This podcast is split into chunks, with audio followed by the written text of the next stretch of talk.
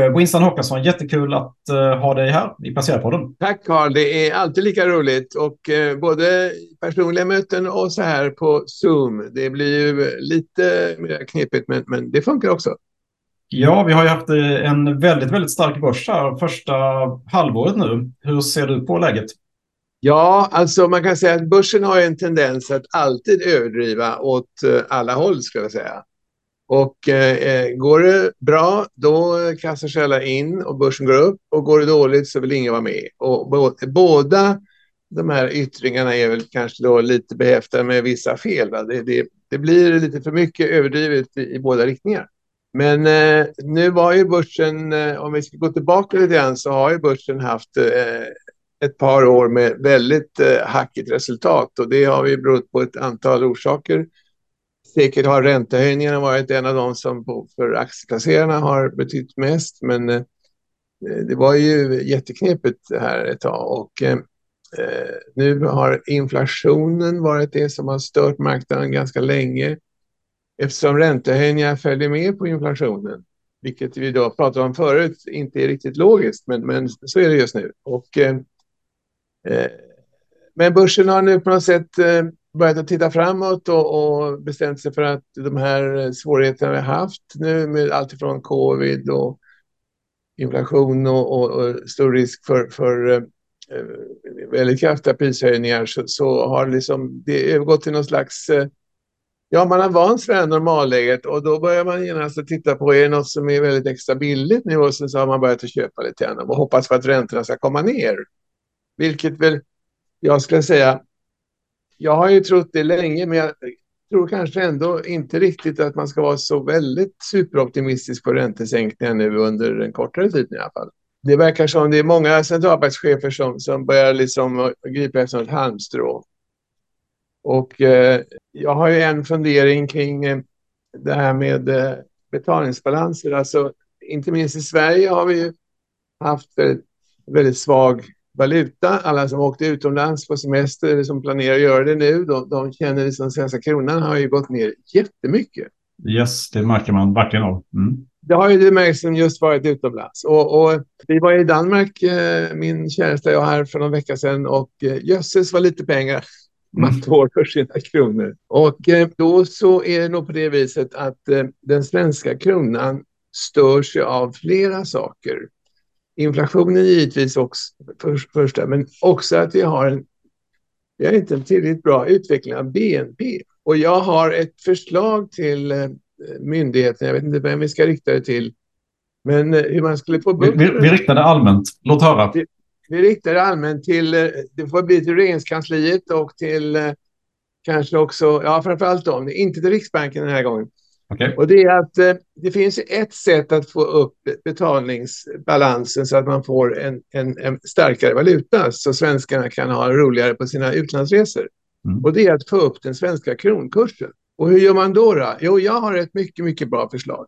Och det, det an, annonseras nu för första gången. Och det är att vi skulle göra som man gjorde förr.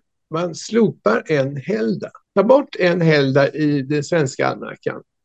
Och, och eh, så blir det gärna att det kommer bli en, en BNP-förbättring på, på åtminstone en, kanske en och en halv procent. Och med den förbättringen kommer den svenska kronan att som ett skott gå upp i värde igen. En dag mindre ledigt, alltså en dag mer industriproduktion och då kommer vi att få, det kommer inte lösa alla problem, men det kommer att förbättra situationen eh, tydligt. Och, eh, men det här är ju alltså väldigt lätt att sitta och prata om det här i en sån här podd. Och sen att genomföra detta praktiskt, jag inser att det är svårt, men, men eh, Göran Persson lyckades ju avskaffa annandag pingst och införa 6 juni som nationaldag, för det hade han lärt sig av sina kollegor i, i, i, andra länder på den tiden. Och det är klart, visst går det. Om man inser att det är bättre att svenska kronan blir, blir förstärkt så kanske man kan offra då en helgdag. Be mig nu inte tala om vilken, men, men en helgdag. Det kanske ska vara på våren, för det är där de är flest. Ja, det är väl rimligt så, kanske. Mm. Ja, men alltså, ja, vi ska inte utmärka någon särskild, det får politikerna göra. Mm. Det, var, det var ett nytt förslag i alla fall. Jag har inte läst det någonstans annanstans. Nej, så det var nej, helt unikt. Mm. Det, det, det, är, det är uppfunnet här i Turkov, eller hos mig. Mm. Ja, men det ska ja. bli spännande att se om, om, eh, om det kan genomföras. Och det vore ju trevligt om vi fick en starkare krona. Så. Ja, det tror jag vore väldigt viktigt på många sätt. Alltså, inte bara att det är roligare när man ska åka utomlands, utan vi behöver en, en, en starkare krona. Jo, verkligen. Den är extrem, extremt svag. För, för vår exportindustri, alltså. Det är ju så. Mm. Ja. Hur, hur, ser det ut i portföljen nu då? Det var ju länge sedan vi, vi gjorde en uppdatering här. Ja, det var det. Och jag har gått igenom här nu och eh, jag noterar då att, att uh, det, vi har inte hängt med riktigt här än, men, men uh, det är lätt gjort att, att uh, återta det. Och, mm.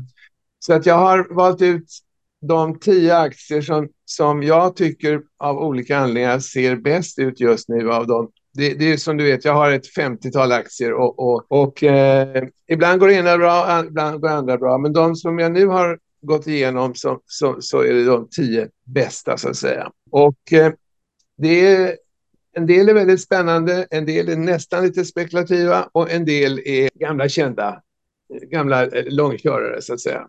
Blandat och gott. Ja, och men jag tror att den här portföljen på tio aktier, den tror jag kan vara någonting som vi kan komma tillbaka till om några månader och följa upp och, och, och, och, då kan du ställa mig till svars för det här så får vi se hur det går. Vi kan väl till och med göra så att vi säger i slutet på sommaren kanske?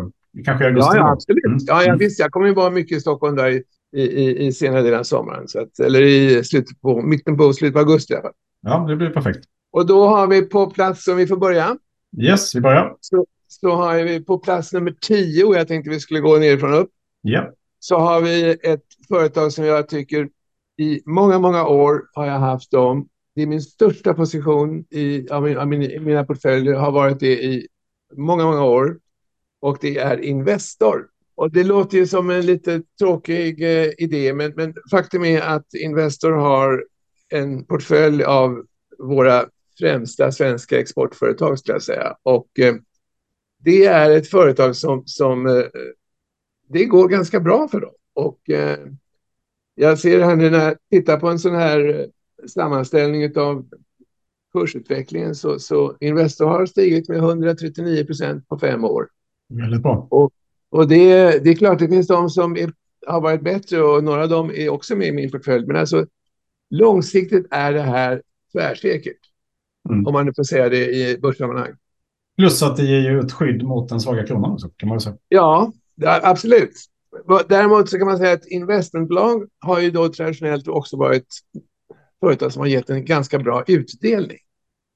Nu, nu har Investor blivit rätt populär aktie så att utdelningen har ju då krympt så den är faktiskt bara nere i drygt 2 nu. Men eh, det är i alla fall, tycker jag, eh, eh, tillräckligt för att eh, jag ska säga att det här ska vi ha med. Ja, det, är svårt att, det är svårt att slå den avkastningen så att säga ändå. Ja, det är ju det. Och eh, eh, ja, Ja, ja, varje gång jag har träffat folk under årens lopp så frågar vad ska man köpa för aktier? Då brukar jag alltid säga att köp, köp investmentbolag, det är det säkraste. Och ta då något välkänt, ta Investor. Mm. Och, och, det har ju aldrig varit fel om man säger. Nej. På plats nummer nio är också en, en, en, ett företag som inte alls har samma stabila utveckling som Investor, men som ändå har en väldigt bra utveckling. Och det är Hennes och Mauritz. Mm, det är lite oväntat, ja.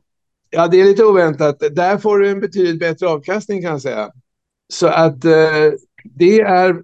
Och, och, där är det som så att, att det har blivit lite ordning på det här företaget igen. Och jag tror att eh, företagsledningen är superb och eh, eh under, under ett bra tag nu så har det här företaget liksom börjat att, att liksom hämta sig och eh, jag tror att eh, det har varit mycket snack om H&M, men, men jag tror att eh, man kan lägga det åt sidan och bara konstatera att eh, de har en otroligt stark ställning.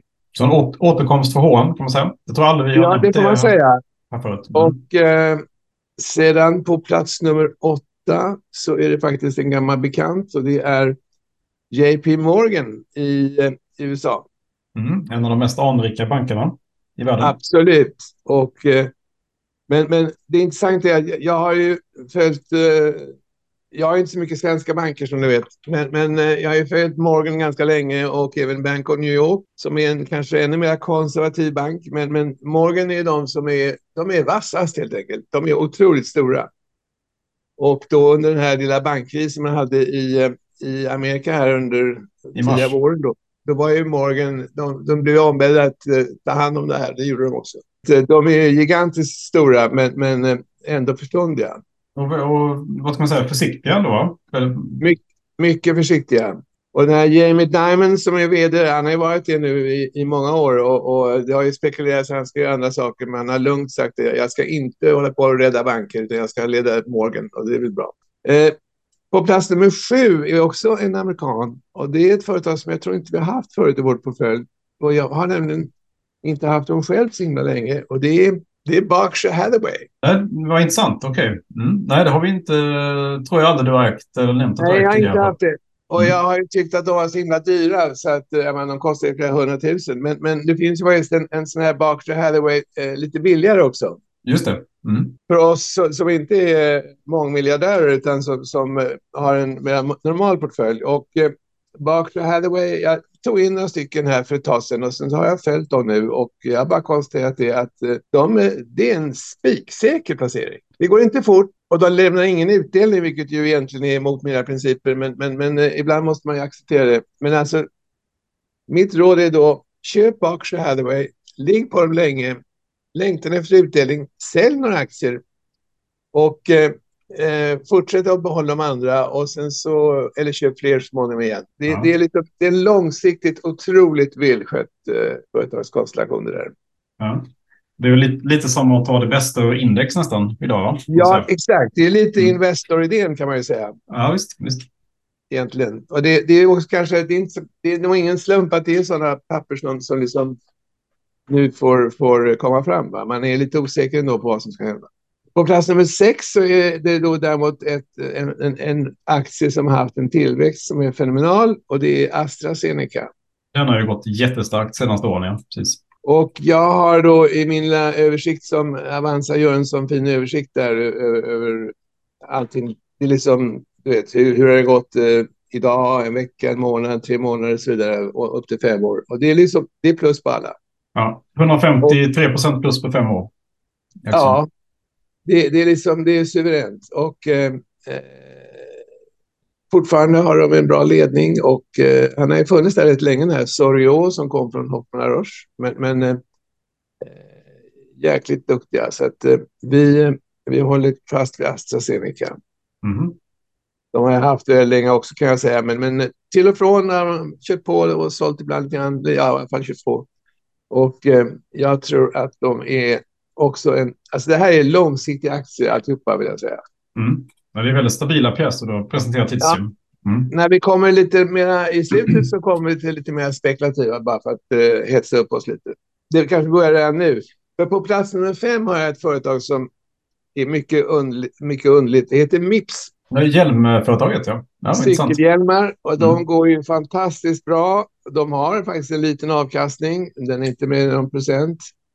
Men om man ser på liksom hur har de gått på fem år? Ja, de har gått upp 666 procent. Och däremellan har det varit lite knackigt, men, men eh, nu har det kommit upp igen. Alltså, och eh, eh, det är väldigt dyrt, men det är väldigt bra. Och eh, så länge det är väldigt dyrt, men så länge det är väldigt bra så tycker jag att då kan man vara med. Använder du hjälmen själv? Eh, absolut, alltid. Mm, dock, dock, inte från det, den tillverkaren, men... Men det beror på att uh, det är bara en händelse. Hur länge har du ägt Mips då? Eller?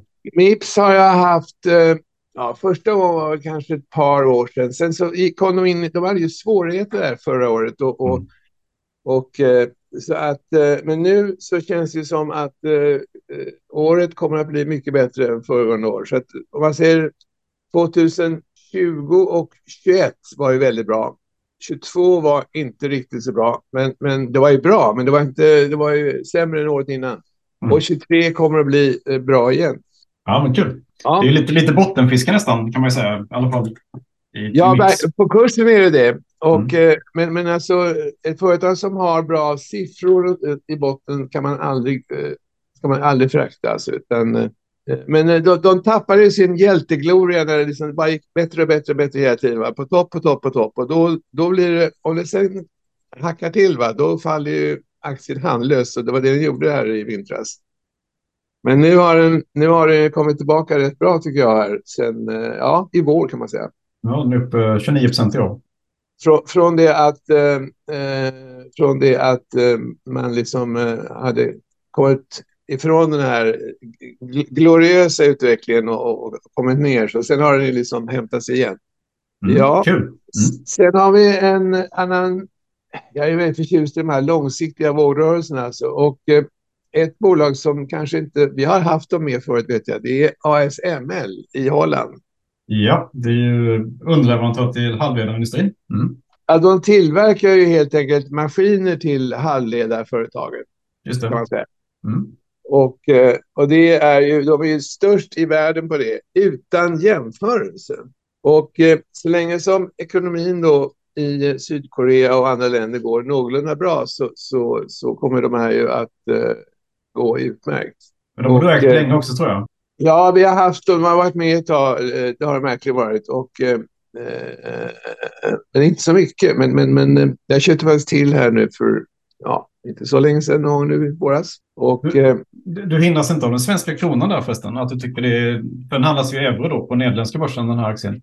Ja, och det, det, så att, det är klart att eh, jag har alltid haft då ett antal utländska aktier och de har ju fått en extra skjuts av den här dåliga kronan såklart i, i, i svenska kronor räknat. Men, men eh, jag tror att när det gäller sådana här utpräglade tillväxtaktier i, i exportindustrin så, så där får man leva med valutasvängningar. Det, det, till, tillväxten är ändå så stark så att säga. Ja, så jämnas ut. Sen har vi eh, en lite lurig aktie som jag upptäckte för fyra, fem år sedan och som sedan har gått ner handlöst. Och det är Axikem.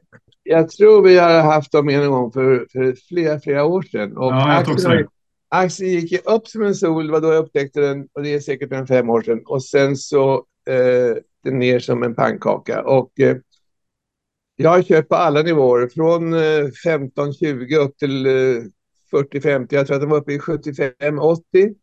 Mm. Och sen vände de och nu är de nere runt 7 kronor. Och eh, de har eh, gjort då eh, ett par stycken emissioner. Och nu tror jag att nu är oroligheterna bakom dem. Och de har ju eh, samarbete med ett par danska företag. Och alltså, jag medger att det är en aktie som man ska handla med en viss försiktighet mm. om man ser på historien. Men mm. i år så har de i alla fall nu äntligen hämtat sig. Absolut, jo, de har ju gått upp eh, sen, ja, de senaste tre månader i alla fall. Ja. Eh, och det var ju då i början på året som, som de kom med sista beskedet om, om emission. Så att nu har det lagt sig så att säga. Och eh, mm. eh, allting handlar ju om, eh, om eh, det är kosttillskott framför allt. Som okay. de tjänar på. Det började med att de tog fram ett, ett ämne som skulle stoppa salmonella för kycklingfoder. Mm. Och, och, och, det tror jag i och för sig finns kvar som en idé, men sen så upptäckte man ju också att de... Allra först var det att de upptäckte hur man tog bort eh, hur man skyddade bottenfärg på båtar. Det var deras första grej. Just det. Och, och sen så, eh, men nu är det kosttillskott som, som gäller och det har de eh, nu fått eh, mycket utmärkelse för på olika mässor och sådär. Så att jag tror att det här nu är faktiskt på gång efter och det har varit en jäkla utförsåkning. Men, men eh, och jag har haft en eller annan god vän som har eh, fått tips på att köpa de här aktierna och de har ju förlorat mycket pengar på det så att jag känner mig lite skamsen. Men, men nu, nu tror jag faktiskt att de har kommit ner till det nivå som och nu känns det att nu, har, nu är de förbi de här svårigheterna. Nu kan de börja tjäna pengar kanske? Ja, jag, jag tror det faktiskt. Och sen då eh, dagens eh, vinnare, ledare, det är då ett företag som kom ut genom Avanza faktiskt. De heter Lumen Radio. Mm -hmm. Det var inte bara Avanza som, som var emissionsinstitut, utan det var ju flera stycken. Men, men jag som eh, aktieägare i Avanza fick, eh, eller som kund i Avanza, fick eh, eh, till, till vet du, en, en, en, inbjudan att vara med. Och det där tyckte jag såg otroligt spännande ut. Mm. Och jag förstod inte riktigt vad de sysslade med, men så efteråt så, så jag, jag fick ju inte så himla många aktier. Jag har legat och köpt på mig här nu i eftermarknaden flera gånger. Och eh, eh, då undrar man, vad är det de sysslar med egentligen? För det var lite svårt att förstå. Men Lumen Radio heter bolaget och det säger precis vad de gör. Mm. Alltså de sysslar med trådlös gatubelysning. Okay. Och tänk på det lite grann. och, och, och vad som finns möjligheter där så förstår man vilken enorm eh, potential det här företaget har. Alltså. Som ersätter kablar då så att säga? Absolut. Med tekniken. Mm. Så att eh, i, under våren här när allt annat har gått lite upp och ner så har ju Limen Radio bara ständigt stigit. De har möjligtvis legat stilla några dagar men så har de fortsatt att gå upp. Mm. Mm. Och, Aktien har ju nästan dubblats sedan eh, emissionen va? Mm. Ja, eh, på sex månader har den gått upp på 111 procent. Ja, just det. Mm. Och, på ett, och, på, och i år på 78 procent. Och marknadsvärde på en och en halv miljard just nu. Ja, alltså det, jag tycker att det, det, här ser ut som en väldigt spännande fortsättning. Ja, vad intressant. Mm. Ja, så det, det, var lite blandat, både väldigt säkra och eh, några på slutet här eh, lite mera eh, osäkra men ändå väldigt spännande eh, idéer. Ja, ja nej, det var, ju, det var väldigt, väldigt blandat och eh, ja, väldigt kul med lite nya aktier också. Jo, men alltså det, det är inte fråga om att ha kul, det är fråga om att liksom göra analys och, och eh, värdera och utvärdera hur mycket som, hur mycket som är taget och hur mycket som finns kvar. Det, det är alltid samma, samma uh, uppgift. Ja, detta är, detta är de tio papper som jag tycker ser bäst ut just nu. Ja, intressant. Det finns flera bolag kan jag säga som har varit med här i kampen på slutet. Det finns ett företag som dock inte fick komma med, men som ändå jag tycker är väldigt spännande. Det är Minesto. Känner du till dem? Jag känner till namnet, men jag känner till bolaget speciellt bra. Det, här, det är sådana här bolag som jag har läst om det någonstans och det där var, verkar jättespännande. Så har jag då en sån där liten... Eh, observationspost. Observationspost. Nej, inte observationspost, utan en, en, en sån här du vet, bra aktier någon gång och så här. Som jag har med då i min Avanza-portfölj. Och så plötsligt så, och då kommer, om den rör sig, då kommer den upp precis som mina egna aktier gör. Så plötsligt kom det upp att den har stigit 10 procent och då hoppar jag in, vad är det här nu då? Och då visar det sig då att eh, Minesto, de sysslar alltså med eh, vågkraft skulle jag säga. Mm. Och eh, nu har ju de ju faktiskt börjat tjäna pengar. Så att eh, om man tittar på dem, så är min förvåning alltså, de har ju ett P som inte ens är 10. Alltså. Det är helt fantastiskt. Mm. Åtta är det just nu. Ja, och, eh, men alltså, det är lite för kort historia. Och, och, det var ju bara för någon månad sedan som, som det här hände. Va? Så att, eh, jag vågar inte ha dem som någon rekommendation, men vi, vi följer dem. Och de ja, är avknoppade av Saab. Just det. Uh, 2007 var det avknoppades. Mm. Och, eh, och, det är så typiskt. Jag kommer ihåg då förr i världen Electrolux och Hans Werthén var chef. Han, han plockade alltid på sig en massa roliga företag. Ja. Som inte alls hade någonting med dammsugare att göra. Men, men han köpte dem då för han tyckte de var bra. Han köpte ju Gränges till och med. Oj, ja. Och, och, eh, och det, är liksom, det är så typiskt för några av de här stora exportindustriföretagen att de, de, de, de kommer ju över rätt mycket kul företag och de säger nej till nio av tio säkert. Men, men, men då, då kommer det något som är bra och så tar de in det och sen så inser de det efter några år att nej, det här passar ju inte i vår i vår liksom, företagsportfölj så att vi, vi säljer nu. Då har de i allmänhet gjort en ganska bra vinst på dem. Ja. så säljer vi. Det var ju liggande så med, med, med Nestor och Saab. Ja. Så att eh, ja, en, kul idé att titta på. Vi kommer tillbaka. Det är ingen rekommendation. Det är bara en liksom. En observation helt enkelt. Mm. Ja, en observation. Absolut. Jag tänkte bara säga en annan sån observation som jag också då har gjort men inte vill, vågar rekommendera men som kanske vi kommer att rekommendera småningom. Det är Scandinavian Astor Group. Och det är då ett företag som sysslar med, eh, ja, det, de har en avancerad radarbevakning kan man säga. Och mycket bra företag i dessa militära osäkerhetstider. Och eh, det är en aktie du kan titta på också. Scandinavian Astor Group. Mm. Ja, och, väldigt, och, väldigt lågt börsvärde säger jag. 74 miljoner bara. Mm. Ja visst, det är ingenting för oss än så länge. Men, men det, titta på dem för de är, det är faktiskt mm. jättespännande. Men, men mm. än så länge för osäkert för att eh, ta in några änkor och faderslösa. Men eh, det är alltid skojigt att ha några sådana här papper som man har i sin lilla, har roligt file. Lite, lite chanspapper och sådär. Ja. Du, Winston, jag tänker så här, vi har ju pratat om det för eh, många gånger tidigare. Du har varit, varit så orolig för de svenska bankerna, minns jag. Eh, ja. Och jag tänker, hur ser du på det nu förresten, när, eh, när räntorna har stigit så här mycket och svenskarna sitter ja. med sina bolån? Liksom? Ja, jag har eh, faktiskt gjort så att jag har en liten post i SE-banken. Okej. Okay. Mm. Och eh, som, som jag har bara för att det är som, som en liten sån här observationspost. Och, eh, men eh, de har inte gått så himla bra. De ligger väl ungefär där jag köpte dem, eller kanske någon krona vinst. Men ja, det är precis där omkring. Just över 100 ligger de Men, men eh,